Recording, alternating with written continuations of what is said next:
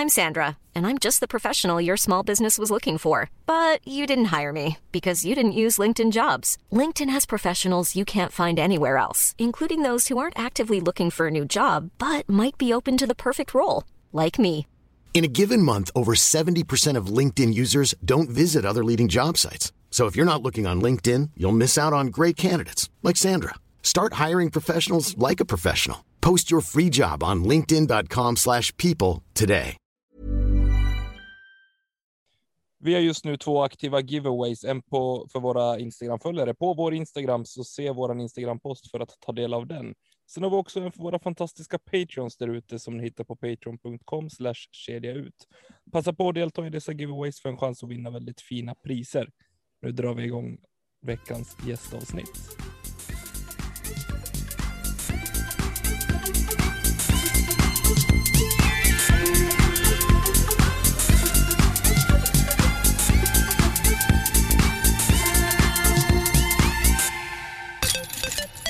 Hallå Discord Sverige! Vi är tillbaka med ett rykande färskt avsnitt tillsammans med en gäst idag i form av, det får ni höra snart. Hur är läget med mina co-pirates eh, Elina och Tommy? Är vi pirater idag? Fränt. Jajamän. Det är alltid velat vara. Med mig är det bra. Taggar inför eh, helgen. Eh, idag har jag spenderat faktiskt både tid på puttning och eh, fältträning för jag fick hem lite nya diskar idag så fått testa lite. Hur är det med Tommy Boy?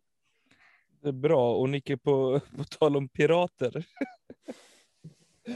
Malin är ju min sambo, hon, hon sa alltid det, eller sa alltid det förut. Att eh, eftersom att jag är diabetiker så riskerar jag att bli pirat.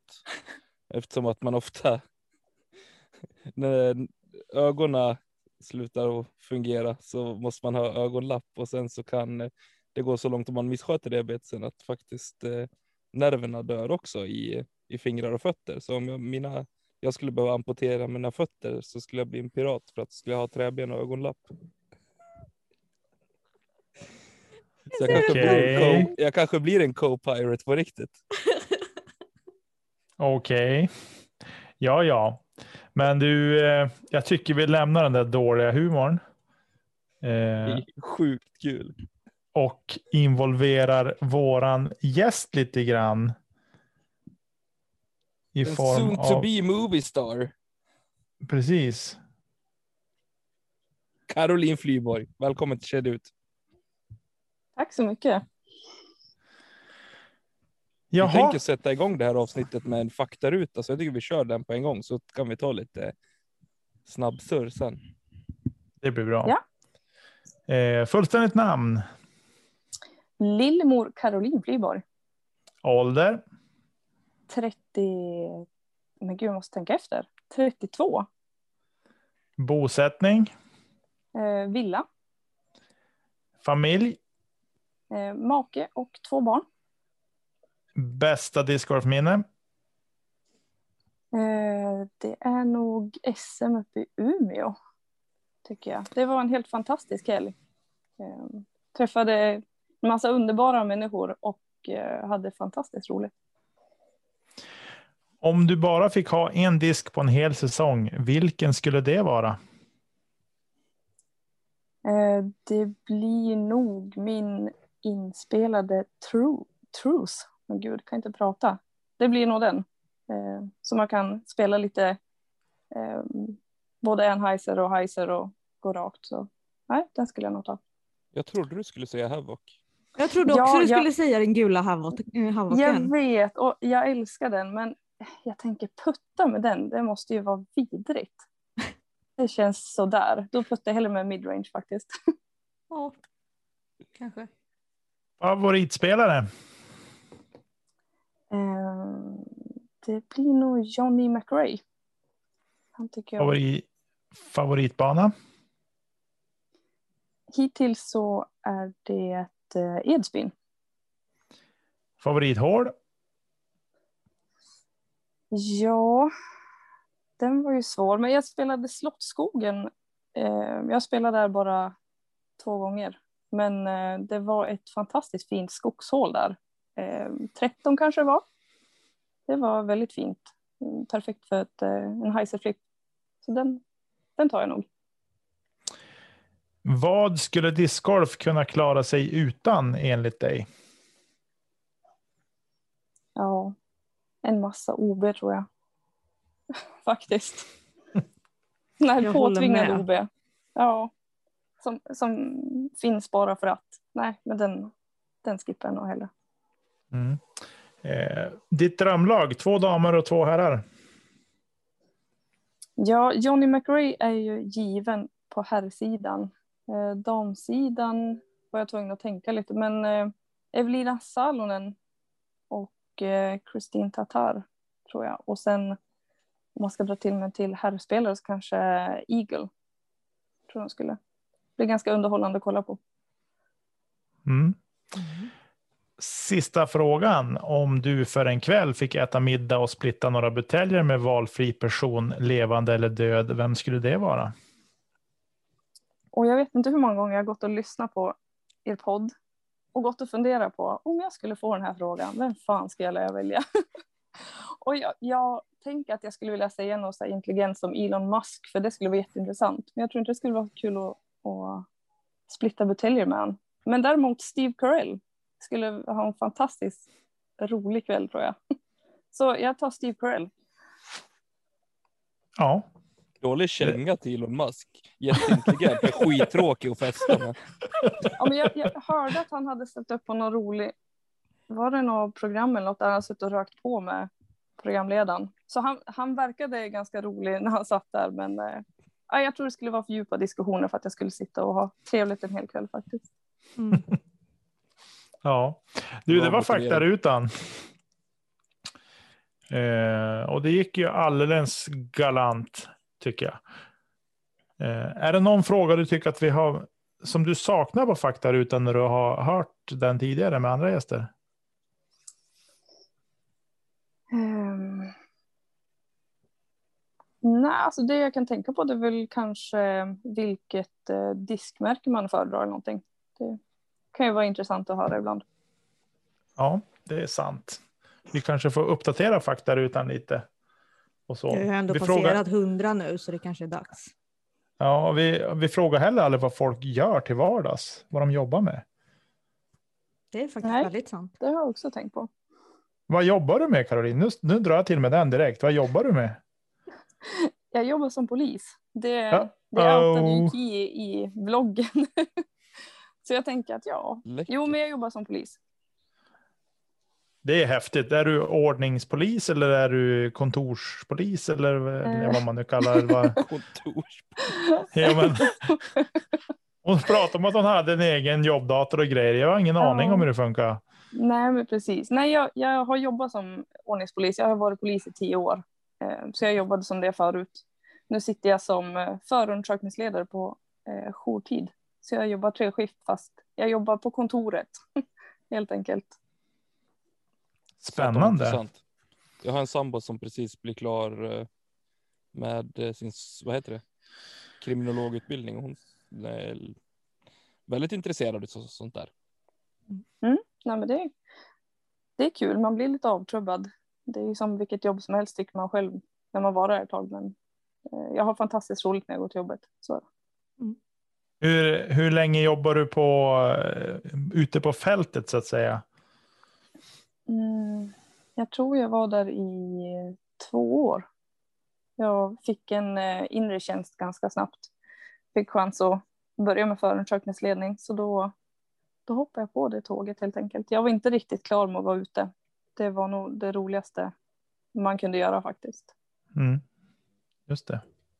Eh, ja, det är ju, jag tror så här. Jag tror att polis är nog ett yrke, för att bli lite off topic här, vi ska snart komma tillbaka till discgolfen, men att det är nog ett av de yrken som folk eh, har minst koll på, på något sätt, vad, vad det finns för olika tjänster inom just polisyrket. Det är så otroligt brett. Mm. Det, det tror jag också. Det, det är väl den här fördomen att antingen så håller du förhör eller så jobbar du ute i en mm, radiobil som det kallas. Ja. Så är det. Men det finns, eh, ja, det finns eh, otroligt eh, stor variation faktiskt. Jag tycker att det är så roligt att ni säger radiobil, för det förknippar Ja. jag med tivoli och en sån här antenn Ja. uppe i ett nät i taket. Man körde på varandra. Ja, ja jag, jag förstår liknelsen och jag, jag tror att man blir lite inrutad också på vad alla säger eh, på Ja. arbetsplatsen. Men nu när du säger det så låter det faktiskt mer som en sån bil. Ja. Men är det inte, känns det själv för din, alltså från ditt håll som att det är ett underskattat arbete också? Jag menar, många poliser får ju mycket skit, men det är sällan man hör liksom ja, men utåt från polisens sida att, ja, men hur viktigt arbetet faktiskt är. Mm, jo, men det, det är både och. Det är klart att det är ett slitigt jobb och det är ett speciellt jobb. Du får ju se mycket av samhällets baksida och det är ju många tunga upplevelser. Men eh, jag skulle ju aldrig byta bort det. Och det är ju otroliga kollegor och ja, men jag, jag känner ändå så att jag, jag gör någonting bra utav min tid när jag kommer hem från jobbet. Så jag, jag har gjort någonting vettigt. Mm. Det tror jag är jätteviktigt och fantastiskt att kunna känna så också. Att man Mm. har ett, eh, ett jobb som gör skillnad och eh, har stor betydelse. Ja, man, vill, man vill ju tro det i alla fall. Men det är väl det som är känslan i en i alla fall. Att man, det känns som att man gjort någonting bra. Va? Alltså jag tänker så här spontant, nu, jag kommer aldrig bli polis, men om jag skulle bli det så skulle jag vilja jobba som trafikpolis. Mm. Eh, ja, Eh, det är ju inte mitt största intresse, men eh, hur tänker du då? då? nej, det är för det är då jag har träffat polisen. Själv. Min senaste fortkörningsböter var faktiskt i ditt område i Timrå eh, för, för två år sedan. Min senaste. Hur många har du? Jag har ett gäng, jag var utan körkort också. Åh fan. Aj, aj, aj, aj, aj. Traf, trafikförseelse, vi behöver inte nämna mer om den. Eh, jag var inte onykter, jag, kör, jag har bara kört för fort. Det är det enda jag har gjort alla gånger. Eh, ja, nej, men eh, det var ett sidospår. Nu tycker jag att vi hoppar in i det här avsnittet lite mer på allvar. Och vad gjorde du i helgen, Caroline? I söndags? Kan du berätta lite? Ja, jag är lite dagvill, men jag antar att det var då jag träffade Ki. Kan det vara i söndags? Ja, Ja, det stämmer.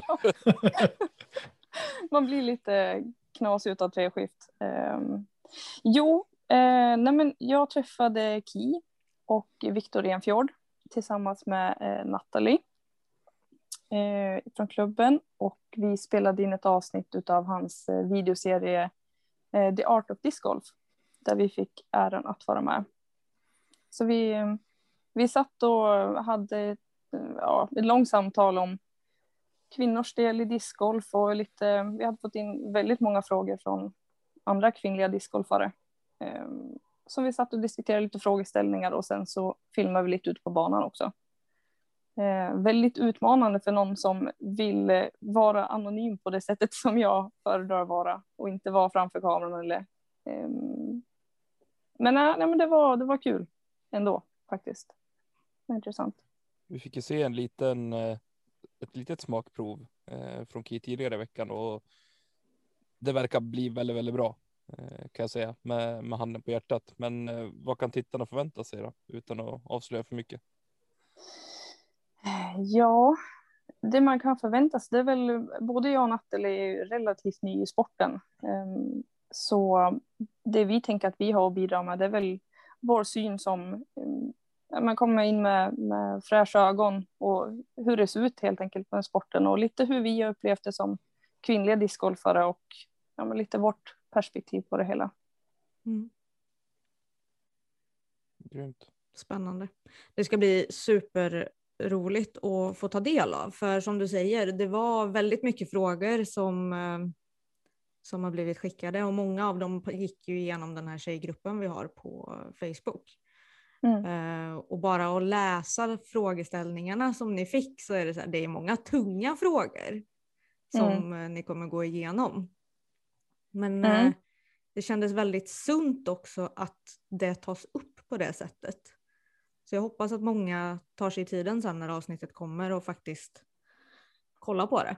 Och följer med i diskussionen som kan uppstå också. För det är ju liksom olika sätt att se på det och bara det att ni pratar om det gör ju att man öppnar upp ögonen för det mer också. Ja, jag tänker det själva.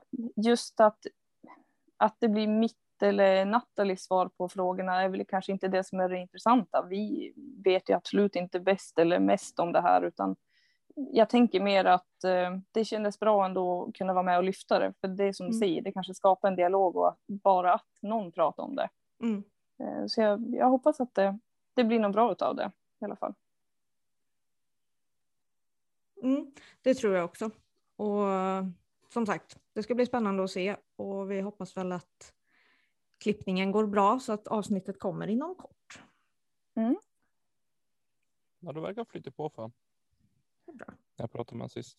Men eh, jag tycker det är jätteintressant att just få se, inte bara att det är liksom inriktat mot discgolf och hur, om man säger hur den ska anpassas eller bör anpassas till eh, den kvinnliga sidan också. Men eh, även att man faktiskt får in två stycken som är relativt färska i det också. Eh, för många gånger får vi höra det att eh, det är väldigt stort fokus på eliten och eh, en faktiskt väldigt liten skara utav discgolfarna. Eh, de som är nya och eh, amatörsidan är betydligt större, eh, den skaran. Eh, och då tror jag det är viktigt att man faktiskt lägger lite större fokus på, på dem också, eller på den, eh, den skaran av discgolfarna. Mm. Och det ska bli intressant. Kul att höra. Jag, jag hoppas det blir bra. Jag har fullt förtroende för Ki faktiskt. Det, nej, det var, det var roligt att få frågan. Vad var det bästa med att vara med då? Jag försöker att se, se saker som jag inte är så bekväm med som personlig utveckling. Så jag får väl nästan ta det. Ehm, Jag tror att för ja, men fem, tio år sedan så hade jag nog aldrig ställt upp faktiskt. Men, eh, nej, men jag, tror att det är, ja, jag tror att det bästa är i alla fall att man vågar vara med och våga eh, säga lite hur man tycker och känner faktiskt. Och nu sitter du i en podcast. Ja, det är också. bränner av det här sam, samma vecka, det är fantastiskt. Ja, ta det medan det är man? färskt. ja, Nu är man redan modig, nu har man redan hoppat, då är det bara att fortsätta. Det är som att dra av ett plåster tänker jag. Det är bara gjort. Som Nicke säger om puttningen, gör det bara. Precis. Härligt. Grymt. Eh, för att vara relativt eh, ny i sporten så har du ju faktiskt eh, redan nu, får man säga så, en, eh, en sponsor. Mm. Är det någonting du vill berätta lite grann om och eh, hur du kom med där? Eller hur, hur det gick till? Ja, um, det var... Det här året blir ju som sagt första året som jag kommer tillhöra ett team. Spela för Team Disc Express. Um, förra säsongen så var jag nere och tävlade mycket i eh, ehm, mellansvenska. Just för att det finns uh, så många damer som spelar där. Så då reste jag för att uh, kunna få delta i en större damklass. Och då var Diskexpress på plats där och sålde och ja, men deras, eh, de som jobbar för företaget var där. Och jag tyckte det var väldigt, eh, ja, men otroligt kunniga och trevliga grabbar som hade det. Och sen så kollade jag upp teamet också och tyckte att det verkar vara bra spelare och väldigt, ja men jag tyckte om hela varumärket. Så i slutet av säsongen så mejlade de helt enkelt och visade intresse och skrev att om de hade någon möjlighet att eh, ta in fler i teamet så var jag väldigt intresserad. Mm. Och på den vägen var det. Så fick jag chans att, att vara med där och är otroligt tacksam och sålt och att någon eh, tror på en i, i den utsträckning att de faktiskt är beredda att sätta sin logga på eh, mina kläder när jag är ute och spelar. Så det ska jag verkligen försöka göra mitt bästa på. Ehm, Ja, men sprida en positiv bild av deras varumärke och vara en bra representant för sporten överlag. Du är teamkamrat med, med min teamkamrat också, Viktor Blomqvist. Mm. Och eh, rätta mig om jag har fel nu, men visst är det Joakim Sjöstig som är med också? Va? Eller Ja, har till och med. Ja, och så hans fru då. Ja, Madeleine. Precis. Så, och så Åke Wallbäcks är också med. Mm, Hur många? precis. Nej, det, det ska bli jättekul. Jag har inte träffat alla personligen, men eh, det ska bli väldigt roligt då att få träffa alla framöver. Man får se hur det nu blir med coronatider och sånt också, men ja. Förhoppningsvis så kommer det ju lättelser i det också och då Mm. kommer det väl att bli lite bättre framöver, hoppas vi. Ja, men precis. Jag tänker Mm. att som det ser ut nu så verkar ju tävlingar och sånt bli av också, så ja, det ska bli kul att börja komma ut och börja spela på riktigt. Jag ser Mm. att du är anmäld till eh, Origo-touren deltävling 1 i Gävle. Mm. Åtta damer totalt anmäld. Precis. Ja, just det. Ja, det var åtta stycken i Origo. Eh, ja, Ja. Origo och sen eh, dagen efter. Nej, dagen före Ja. mellansvenska. Är det dagen före? Ja, precis. Mm. Och där var vi väl 13 eller 14 damer tror jag. Ja, Mm. det stämmer. Ja, men jag känner mig riktigt laddad. Så det, det ska bli... Eh... Nej, men det, nu får säsongen dra igång snart. Nu är jag less på snö på backen och inte kunna kasta riktigt. Men ehm, eh, under eh, tidigare säsong, eller förra året, så Mm. eh, arrangerade ju du även, ehm, det var väl både tävlingar och träningar för tjejer i eh, Sundsvall och Timrå. Mm. Ja, precis. Eh, Det började väl helt enkelt som att jag ville ha in eh, fler tjejer. Så jag arrangerade såna här gratis eh, prova på-kvällar för tjejer. Mm. Eh, annonserar både lokala, ja, men så här lokala grupper på Facebook där man gratis aktiviteter. Eh, försökte sprida det så gott det gick och vi var ju i snitt 20 tjejer varje kväll. Jag körde varannan vecka hela sommaren. Eh, Så det var jätteroligt att se ett sånt stort intresse. Ja, alltså Eh, och 20 sen- tjejer är ju jättemycket. Kan jag tycka. Ja, ja det, jag blev ganska överväldigad när det dök upp så många och att det fortsatte komma. Och det var några som byttes ut och några hängde kvar. Ehm, och då bestämde jag mig för, jag tycker att eh, det är så dåligt att, eh, eller dåligt, men det är så tråkigt att så få tjejer vill tävla. För att Mm. man tycker att man är för dålig. Och då bestämde jag för att göra en tjejtävling. Och då samarbetade jag med eh, Per Karlsson från klubben som hade, eller han har eh, spelat för team Mickes discgolf. Mm. Och eh, då körde vi en tvådisk och då blev vi 14 tjejer i tävlingen. Bara en tjejtävling. Så det var, det var också jätteroligt att se att så många ville vara med och faktiskt tävla. Verkligen. Så ja, på, på den vägen var det. Och nu tänker jag att det här året så blir det mer att bibehålla tjejerna. Är det många som har fortsatt så liksom på egen hand? Ja, jo men det tycker jag. Det är många, många man ser på banan och eh, en del har ju börjat tävlat. Mm. Eh, vi har ju till exempel eh, både Agnes som i, eh, deltar i det här lag-SM-laget Mm. eh, för klubben. Hon eh, hade som ett uppehåll och hade väl ja, men inte kastat jättemycket och fick tillbaka gnistan lite när hon såg att det var fler tjejer ute på banan. Gud vad roligt. Så, ja, jättekul, verkligen. Men det är ju liksom det också att fler tjejer drar ju ännu fler tjejer. Så att får man bara ihop någonting som man kan göra tillsammans så lockar ju det ofta fler också. Och så kanske man Mm. har en tjejkompis som säger, ja men har väl ingen hobby, kanske, ja men följ med då. Behöver inte kasta Mm. ens, bara följ med. Gå en Precis. promenad på banan liksom. Så. Men det är Ja, jag tänk- kul att se. Ja, jag tänker också, vi ser ju så många tjejer som är ute och går. Det är en tjej i en grupp på fem killar.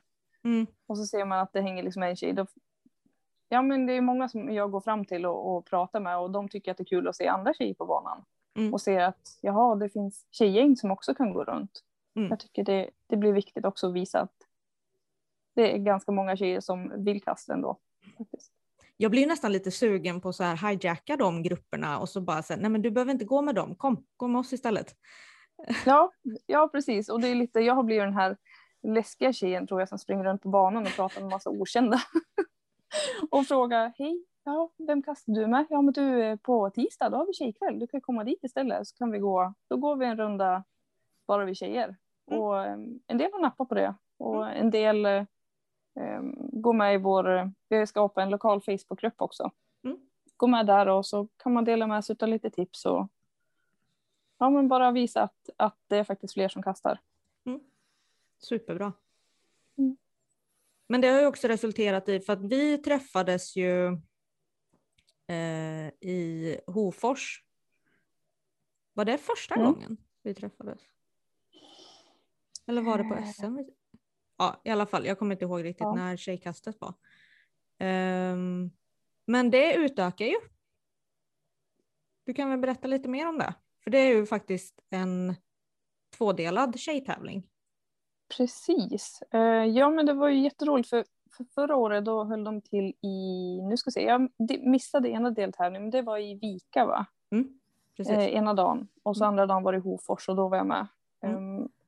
Och i år så tänkte jag arrangera en tjejtävling och hade pratat med Madde från teamet angående det. Och eh, då sa hon att hon tänkte också köra tjejkastet som hon hade gjort eh, förra säsongen. Mm. Och då bestämde vi oss för att eh, slå ihop det helt enkelt. En deltävling kommer vara uppe i Sundsvall och en deltävling kommer vara nere i Hofors helt enkelt. Så det ska bli jättekul och vi får väl se hur, hur coronaläget är men det hade varit jätteroligt att få till en bussresa emellan så att vi får ner lite Norrlandsspelare ner till Hofors och kanske några Hofors-spelare upp till Norrland. För något sånt utbyte också. Och så självklart satsar vi på att bli största tjejtävlingen hittills. Mm. 32 deltagare får ni bräcka. Precis. Mm. Och, ja, men det hoppas jag att vi kan slå. Det Det är bara att sikta, sikta högt. Ja, jag tänker var vi 14 stycken på vår lokala tävling så borde vi kunna komma upp i 32. Ja, definitivt. Det vore jätte, jätte, jätteroligt. Nej, grymt. Sitter Eh, och tänker på Hof, alltså det är ju som. Det ligger jäkligt bra till Hofors verkligen. för att liksom kunna ha det som en knytpunkt på något vis. Eh, och 32 damer, precis som du säger, att 14 stycken i, på mellansvenska så borde 32 inte vara något problem. Nej, precis. man, man tycker det. Man tycker det. Men Elina, hur långt tar du upp till Hofors från dig? Eh, typ tre timmar ungefär. Ja, just det. Så ja, det är vi en har bit. väl också, ja, vi har också typ tre va? Mm. Tror vi Jag ska typ tävla i både Gävle och Falun i sommar och jag är närmare 60 så det är ingen fara. Elin. Det var värst. Men det roliga är för att Mora som ligger längre upp för mig går ju snabbare att ta sig till än typ Falun. Då kan du ju bränna raka vägen upp genom inlandet bara. va? Jajamän, det är raka vägen hela vägen. Så alltså, till Mora åker jag väl på typ 2.45. Eh, Falun åker jag till på ja, strax runt 3. Typ. Eh, men målet är ju faktiskt att försöka få med någon mellansvenska i år. Eh, börja åka uppåt. För jag menar, jag åker ju tre timmar neråt till Göteborg så då kan jag lika gärna åka tre timmar åt andra hållet istället. Det är ju inga konstigheter det. Kul. Har, har ni många damspelare där nere eller kör du i mixklassen i år? Nej, alltså i Värmland så har vi ju inte så många damspelare. Ehm, då får man dra lite österut i så fall. Eh, eller då söderut mot Göteborg och där har ju egentligen Borås och Göteborg eh, flest damspelare då. Men det brukar ju ändå vara typ så här runt åtta i damklassen kanske på de här Revolution Race som Mellgren arrangerar.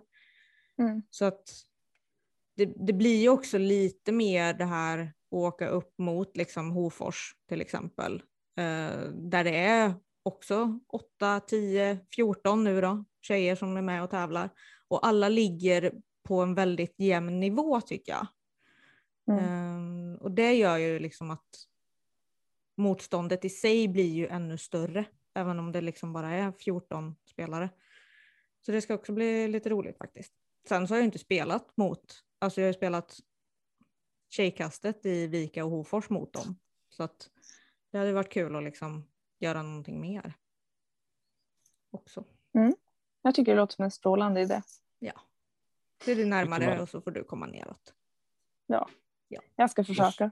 Jag känner att man liksom någonstans kan ha ett bättre fokus egentligen ju längre bort tävlingen är. För då har man ändå lagt ner både tid och energi på att faktiskt ta sig så att man inte bara vill kasta bort det. Mm. Ja Så- men det är inte som att åka jag nästgårds. Nej, utan att bara. Ja, det blir som en Att man gör det på riktigt. På riktigt. Du tänker åka ner till Fagervik och bli sist? Nu ska inte du vara så. Det Är det, gick så, är, det, är det jättebra. det du tänker på? Jag Det blev ju- näst sist. Ja, precis. Och jag var sist. Ja, Men sen i fortsättningen på den helgen så gick det ju jättebra för Tommy för då vann han ju faktiskt. ja. Ja. Ja. Men att anlägga en discgolfbana vid havsstranden. Det är ju, det är ju game misconduct. 5 plus 20 rakt av. Det är ju. Nej, det är för Jag dåligt. hade väldigt trevligt på Fagervik ändå. Det är nog den sämsta tävling jag spelat någonsin. Men eh, det är nog bland de roligaste jag spelat också. Ja, alltså det är inget, inget större fel på, på just eh, hårdragningen och så där. Det kan man inte säga något mycket om. Det är bara att det blåser typ när det är vindstilla så är det 15 sekundmeter. Får vi skriva det på judisk som eh, lämnar bra en recension förhållanden. på Fagervik. Ja.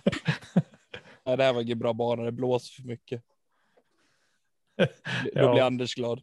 Eller bara skriva det att allt under 10 sekundmeter är liksom det är så här drömförhållanden.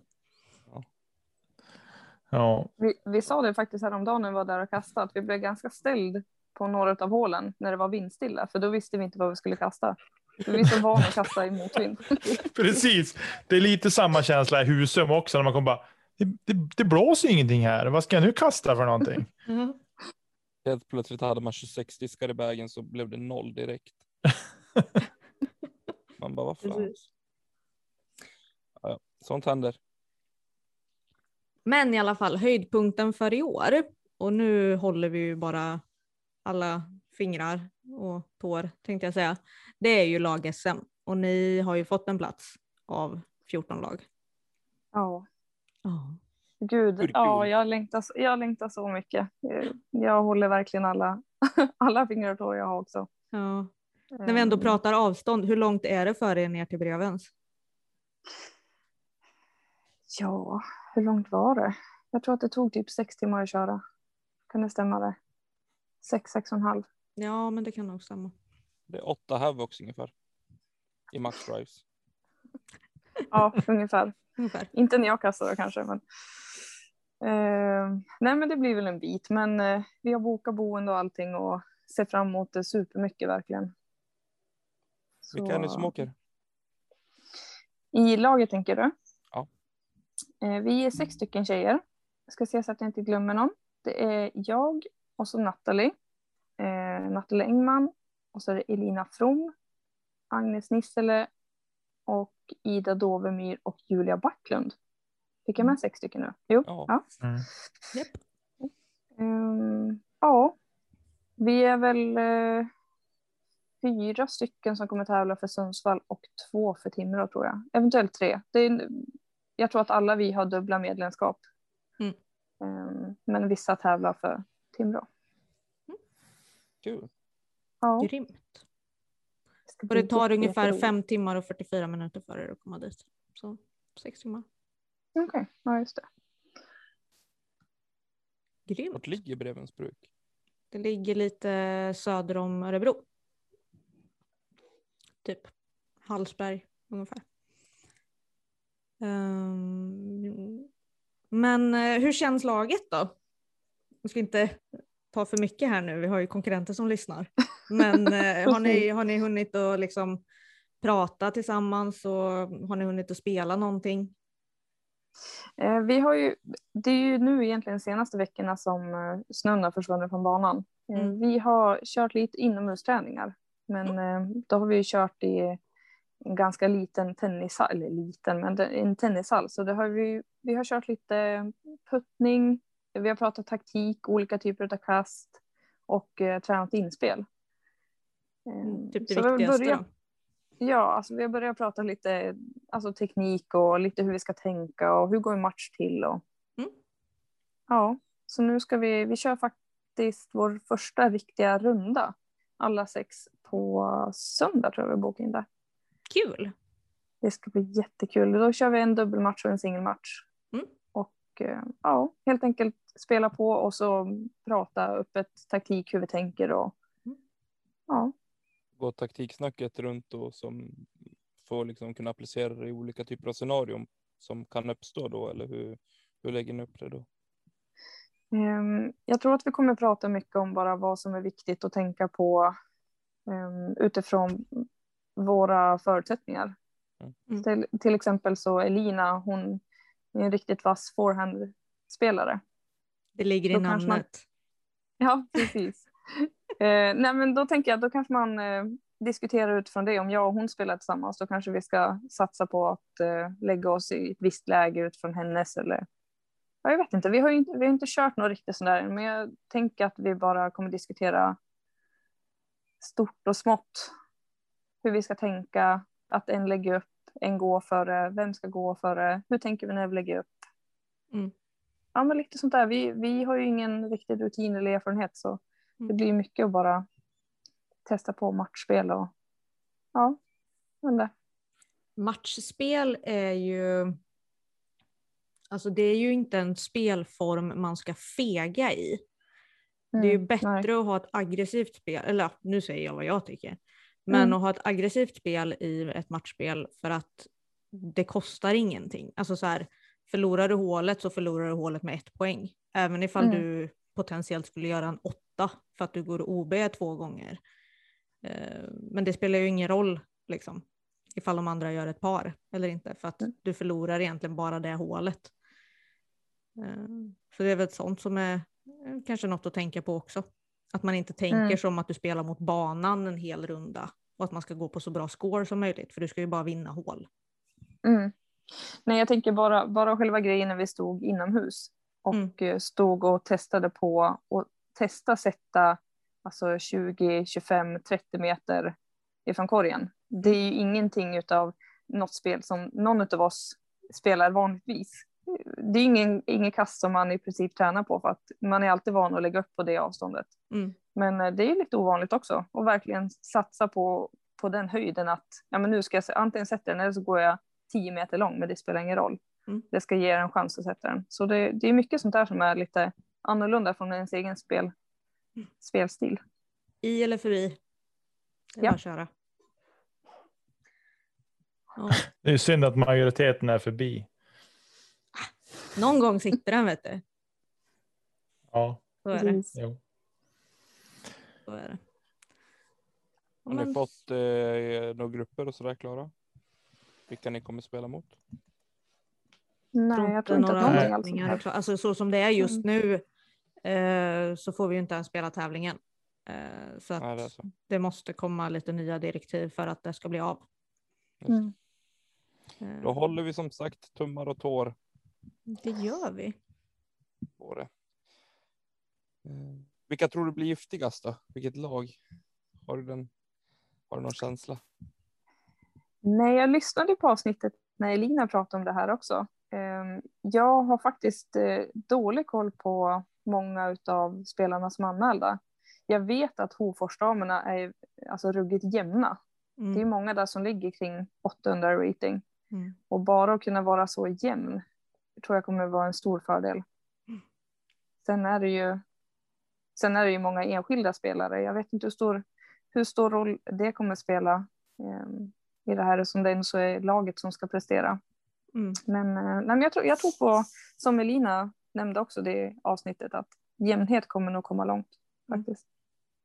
För då spelar det egentligen ingen roll vilka som spelar tillsammans. För att man vet att ja, men du har inte en då som ska vara toppspelare som spelar Mm. med en som kanske åker med. Alltså missförstå mig rätt. Eh, utan att har du väldigt jämna spelare så kommer alla kunna funka med alla rent spelmässigt, kanske inte kemimässigt, det är ju något annat. Men eh, är man lika duktiga så, så blir det inte den stora matchmatchningen i alla fall i eh, spelet. Då. Det är vad jag tror. Mm. Sen så finns det ju också liksom, vi, vi har ju rating och det är ju inte allt, men det säger ju en del om hur man presterar individuellt i alla fall. Eh, och det finns ju några som har väldigt hög rating av tjejerna, som är i samma lag dessutom. Ehm, så det är väl det som kanske har lite avgörande sen i slutändan också. Mm. Det vet man inte. Men det ska bli spännande att analysera vidare på. Mm. Sen är det ju många nybörjare också. Eller första gångs tävlande och som inte ens har rating ännu. får man också ta med Nej. i beräkningarna. Precis, det är många som jag vars namn jag aldrig har sett förut. Men Mm. jag ser att de inte har något PDGA-nummer eller väldigt eh, höga nummer. Mm. Men man vet ju som aldrig hur, hur länge de har spelat egentligen och kanske aldrig har tävlat bara. Men, Nej men alltså de kan ju ha spelat i typ 5-6 år och bara säga nej men Precis. jag tävlar inte. Och så, Nej. nej. men jag har tävlat men jag har inget nummer. mm. Och så bara, ja okej, där kom ja, du. det, är svårt, det är svårt att säga om men eh, jag tänker man kanske får en jättechock när man väl kommer till tävlingen. Mm. Ingen aning. Bättre att inte ta ut något i förskott tänker jag. Bara fokusera på det vi kan göra. Helt rätt. Låter grymt. Ska vi eh, hoppa vidare till, eh, vi har ju fått lite lyssnarfrågor Det har vi. Mm. Kul. eh, som jag tänkte att du skulle få svara på. Du kan väl köra igång med dem Nicke, eller vad säger du? Det tycker jag. Jag kan hugga in på den första här och det är Viktor Enfjord som undrar hur känns det att inför denna säsong ha en sponsor i ryggen? Ja, jag var ju inne på det lite förut, men otroligt roligt. Verkligen. Det, det känns som man fick en, eh, en högre motivation. Både för att man vill bevisa för, för andra vad man går för och men, jag vet inte, det pushade väl mig att bli lite mer kanske framåt. Jag vill gärna vara lite anonym och kanske lite introvert, men det här tänker jag, det blir ju som, man vill ju ändå så visa lite vad man går för tänker jag. Och sprida, sprida budskapet och försöka få in fler i sporten. Och, ja, men jag tror att det blev en extra motivation när man fick tillhöra ett team. Känner du att det har följt med någon extra press också? Alltså i det här att shit nu måste jag prestera för att nu, nu är jag representant för det här företaget. Eller? Eh, jag, tror, jag tror att det kommer nog lätt bli så under säsongen. Om man, om man känner att man inte presterar på topp. Just nu inför så känner jag att jag, jag har inte haft den inställningen eller rädslan. Just för att eh, försöka tänka positivt att det, att det kommer bli bra. Men eh, absolut, de gånger man själv dippar och gör en jättedålig runda eller något, det är klart att det kommer nog svida lite extra om man känner att man gör någon annan än sig själv besviken. För annars är det ju bara en själv som man har utgå ifrån. Men det tror jag absolut kan sätta extra press. Men hur, hur, ser, alltså vad, hur ser dealen ut liksom just gentemot det, tänker jag? Eh, är det så liksom att de eh, förväntar sig att du ska prestera på en viss nivå eller liksom hur, vad, har de sagt till dig just kring din prestation? Finns det någon prestationskrav eh, i det här mer än att synas på tävlingar, tänker jag? Um nej, alltså jag skulle säga så här att jag, jag har inte upplevt någonting från dem att de har som ett, eh, ett lägsta krav på mig eller någonting sånt, utan ehm, och rent krasst, jag är ingen toppspelare på så sätt heller. Det, är- jag tror inte att det är på grund av min rating som jag har fått, eh, fått bli medlem i teamet, utan jag hoppas ju ändå att skulle jag prestera sämre så kommer jag ens falla tillbaka på att jag gör mitt bästa ändå för varumärket och försöker synas, jag är på tävlingar, jag har vis, visar ändå så en eh, bra och positiv attityd och eh, försöker ja, sprida sporten och försöker få in, ja, men min, mitt fokus är ju att få in fler tjejer i sporten. Mm. Och jag tänker att eh, gör jag det så hoppas jag att, och jag tror inte att någon kommer bli besviken utifrån att jag gör en kasttävling helt enkelt. Det tror inte jag heller. Mm. En, en god as- ambassadör är ju, ja, om inte viktigare än bra placeringar. Så Mm. de har valt rätt person. Det kan jag skriva under på. Ja, vad snällt. Yes. Robin Berglund frågar, du gjorde ett fantastiskt jobb i fjol med att locka fler damer till sporten. Eh, Hur planerar du med att fortsätta detta och vad har du för mål för den här säsongen? Ehm, ja, jag sa förra säsongen så ett tag så var jag ensam tjej i Sundsvall eh, i föreningen. Mm, och då var mitt mål att jag skulle få in fem stycken tjejer och bli medlemmar. Eh, jag tror att det slutade med tio stycken. Mm, och jag vet inte riktigt om man kan ha några siffermål, men jag tänker att eh, jag tycker det skulle vara roligare att få de tjejer som är med att bli mer aktiva än att man fyller på siffrorna bara. Utan att har vi, har vi tio stycken aktiva tjejer som åker och tävlar och regelbundet med på veckogolfer och sånt så tycker jag att det är mer. Så jag, jag kommer nog ha en eller två kanske tjejkvällar för helt nybörjare bara för att få in några och börja upptäcka sporten. Men sen så försöker jag nog fokusera mer på, eh, vi har pratat om veckogolf för tjejer. Mm. Att eh, vi helt enkelt träffas och så, ja men precis som vanlig klubbgolf, att man eh, går en runda, skriver upp resultatet och gör det som en liten halvtävling. Så mycket det och sen försöker jag ja, ja men som tjejkastet som vi ska hålla i. Att få fler tjejer att tävla och eh, ja, men fortsätta vara den här jobbiga som springer efter andra tjejer på banan och bara prata med dem och visa att ja, men det, finns, det finns sällskap om det går en runda eller ja. Mm. Jag tror att det är lite det som min men, eh, mitt mål kommer att vara. Har du några individuella spelmål? Om man ser till dig istället. Ja, um, jag hade ju som mål att komma över 800 i rating. Jag skjut, eller slutade ju på 798, vilket var lite surt. Uh, nej, men jag tänker att fan, över 800 ska jag i alla fall. Det är ju bara två poäng. Um, tycker det är svårt det också att uh, ratingmål, men jag skulle vilja spela en runda över 900 i år. Uh, det känner jag ändå att jag har kapacitet att, att göra. Men sen helt enkelt fortsätta höja min rating och eh, så får vi se lite. Det beror lite på, det är svårt att säga om placering och sånt, men eh, SM skulle vi göra en bättre placering än förra året helt enkelt. Då kommer jag åtta. Mm. Så slå det och spela bättre min, eller spela som min rating eller bättre än ratingen alla runder. Det, det skulle vara riktigt fint. Mm. Eh, vi har ska vi se, nästa fråga från eh, Stefan Jarl och det är favorithål på Fagerstranden. Ja. Nu är jag så dålig på den nya numreringen. Jag har inte lärt mig den riktigt. Men kan det vara hål 16 tror jag? Du kastar igenom ett dubbelman då. Ganska rakt Ja. hål.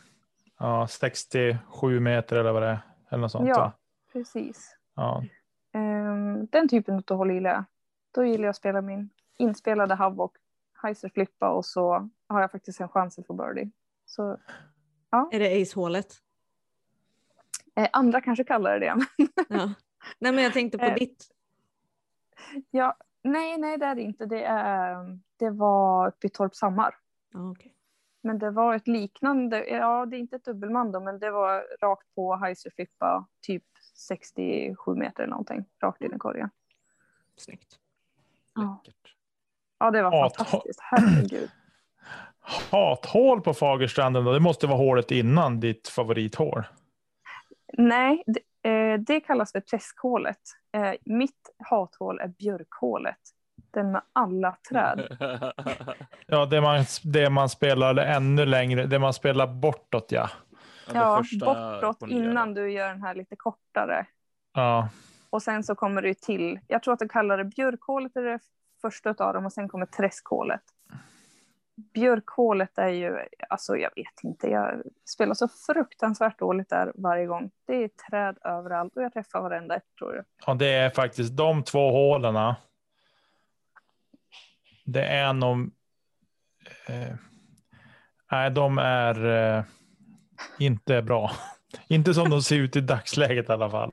Men de har kapat något träd nu. Eh, det har väl blivit lite bättre, men det är ett mando där också. Så sättet man vill kasta på, där står ett mando helt plötsligt och så är man på fel sida. Och, Ja, men det är ju lite för att skydda cykelbanan och det förstår Ja. jag ju.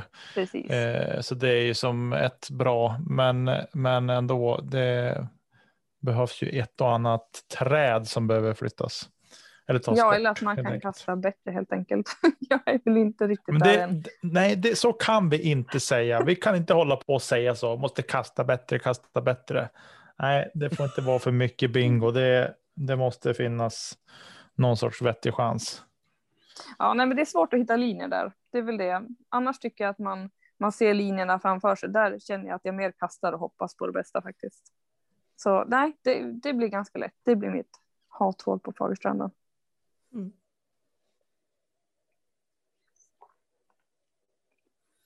Eh, Anton Lind har nästa fråga och det är vad har du för träningsupplägg när du tränar på banan?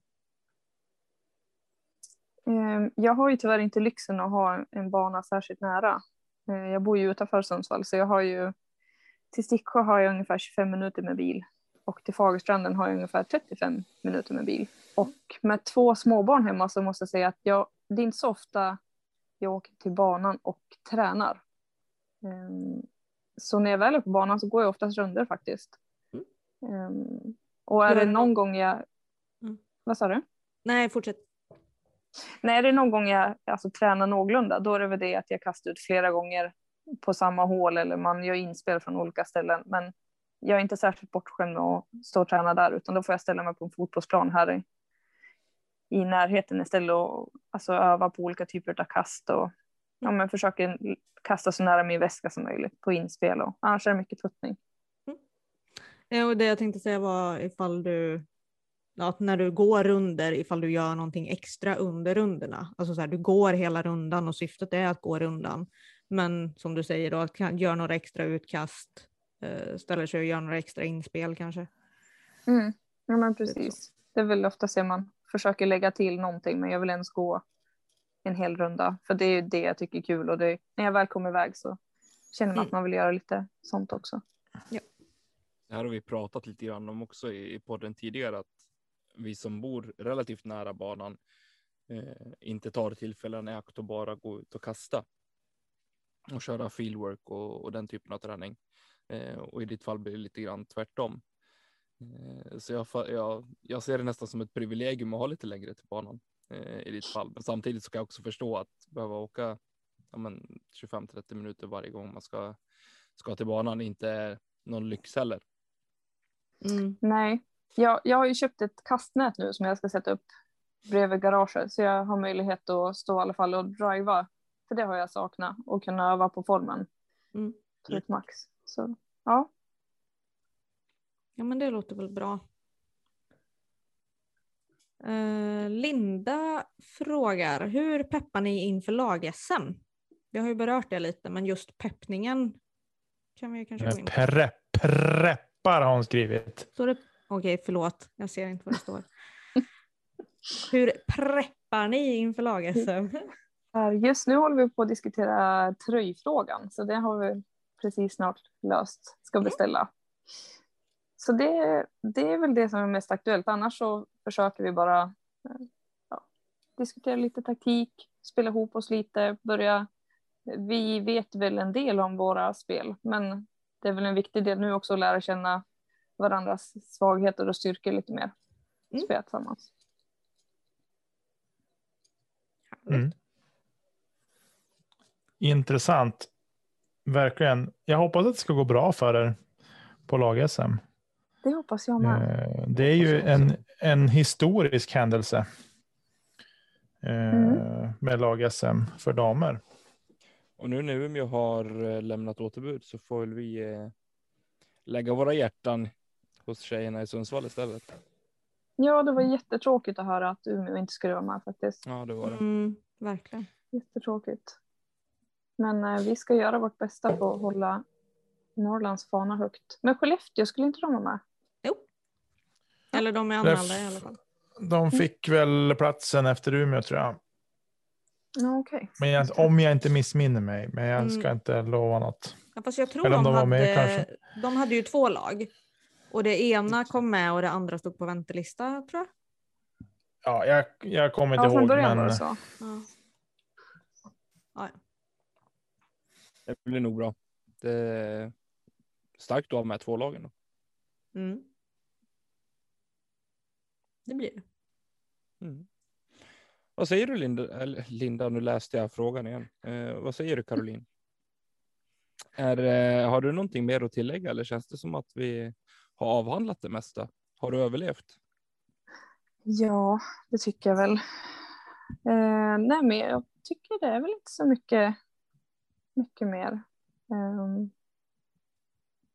faktiskt. Känns som att jag pratar hur länge som helst. Lite ovant att sitta och prata om sig själv så länge. faktiskt. Man vänjer sig så att det är bara att fortsätta. Ja, jag tror jag fall får en bra så är det väldigt, väldigt bra. Eh, professionellt och eh, nej, bra syn Mm. på, på discgolfen och livet. Måste jag få säga. Eh, fantastiskt kul att ha dig med. Tack för att jag fick vara med. Det var, det var oväntat roligt. Vad skönt att höra. Ja. ja, inte för att eh, ingenting mot er, men eh, det är väldigt eh, ovanlig situation att sitta och prata om sig själv så mycket. Ja, Det är det många som säger också att man inte liksom ja, är van att liksom ha det fokuset eh, Mm. på det. Sen tycker jag att det kan vara skillnad alltså i, i det vanliga livet så kan man eller finns det de som står och, och pratar mycket om sig själv utan att faktiskt lägga märke till det. Sen finns det de som bara vill ta bort fokus från sig själv också. Mm. Eh, men förhoppningsvis så kan man göra sådana här sittningar ganska bekväma genom att bara ja, men kunna ta ett snabbsurr lite grann innan och sen eh, bara hoppa in i det egentligen. Mm. Jag tycker Mm. det var väldigt kul att, eh, att du ville vara med. Annars hade jag ju tänkt att, att norpa dig till ett annat segment men nu fick du vara med här istället med allihopa. Det var trevligt. kan du göra, kan du göra ändå. Det här var ju så otroligt intressant. Så att, Blir, det, det kan ju faktiskt vara så. Du sa ju till mig Caroline att du inte trodde att folk vill lyssna på det i två avsnitt.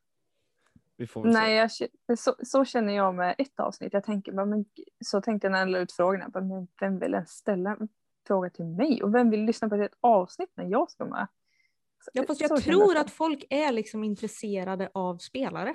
Det spelar liksom ingen roll vilken Mm. nivå du spelar på. Folk vill liksom eh, veta dina synpunkter och höra hur du tänker och liksom sådana saker. Så att, Jo, jag, tyck, jag tänker, jag sitter ju själv och lyssnar på varenda avsnitt och jag tycker att oavsett om jag vet vem det är eller inte så tycker jag att det är intressant. Men det är väldigt konstigt att tänka så om sig själv. För man tänker att man är ny i sporten och ja, men och sen lite fördomsfullt så blir det samma sak som jag kände inför Kis avsnitt.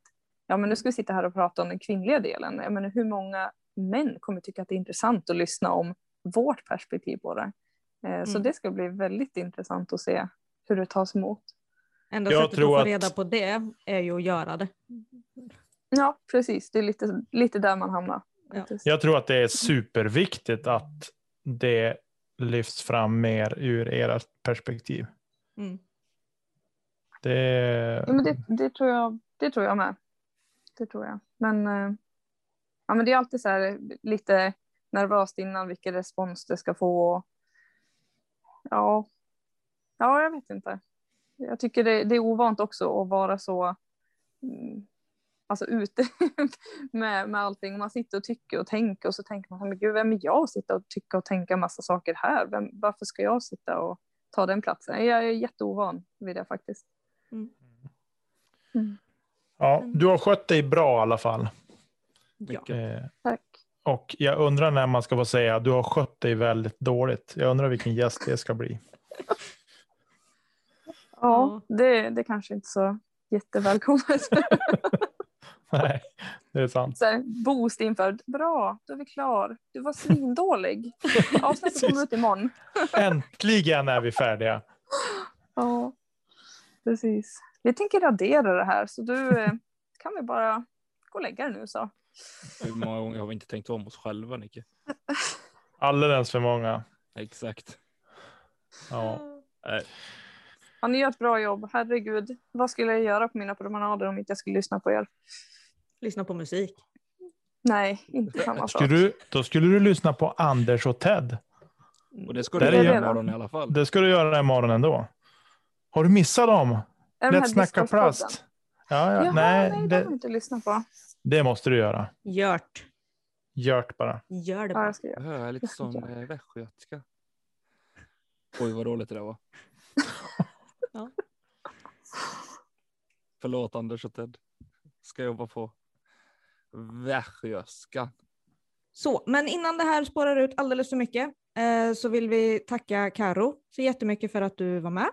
Vi vill också tacka alla er som har lyssnat och hoppas att ni har tyckt detta var intressant. Tack till Marcus Linder för vignetter och jinglar och tack till Emil Lennartsson för grafiken. Eh, vi vill passa på att uppmärksamma våra fantastiska Patreon som stöttar oss. Och eh, har ni frågor, åsikter, annat, eh, dela med er på kedjaut.gmail.com eller på vår Instagram där vi heter kedjaut.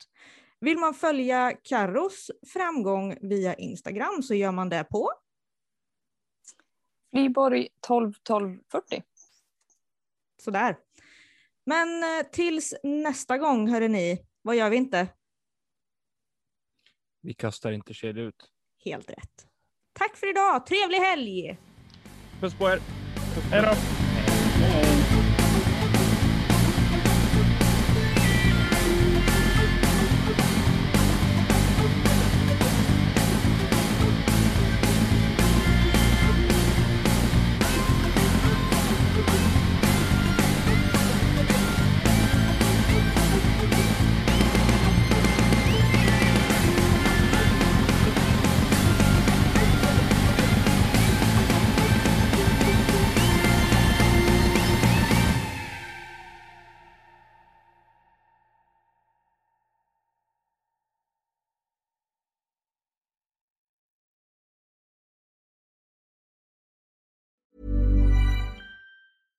Even when we're on a budget, we still deserve nice things.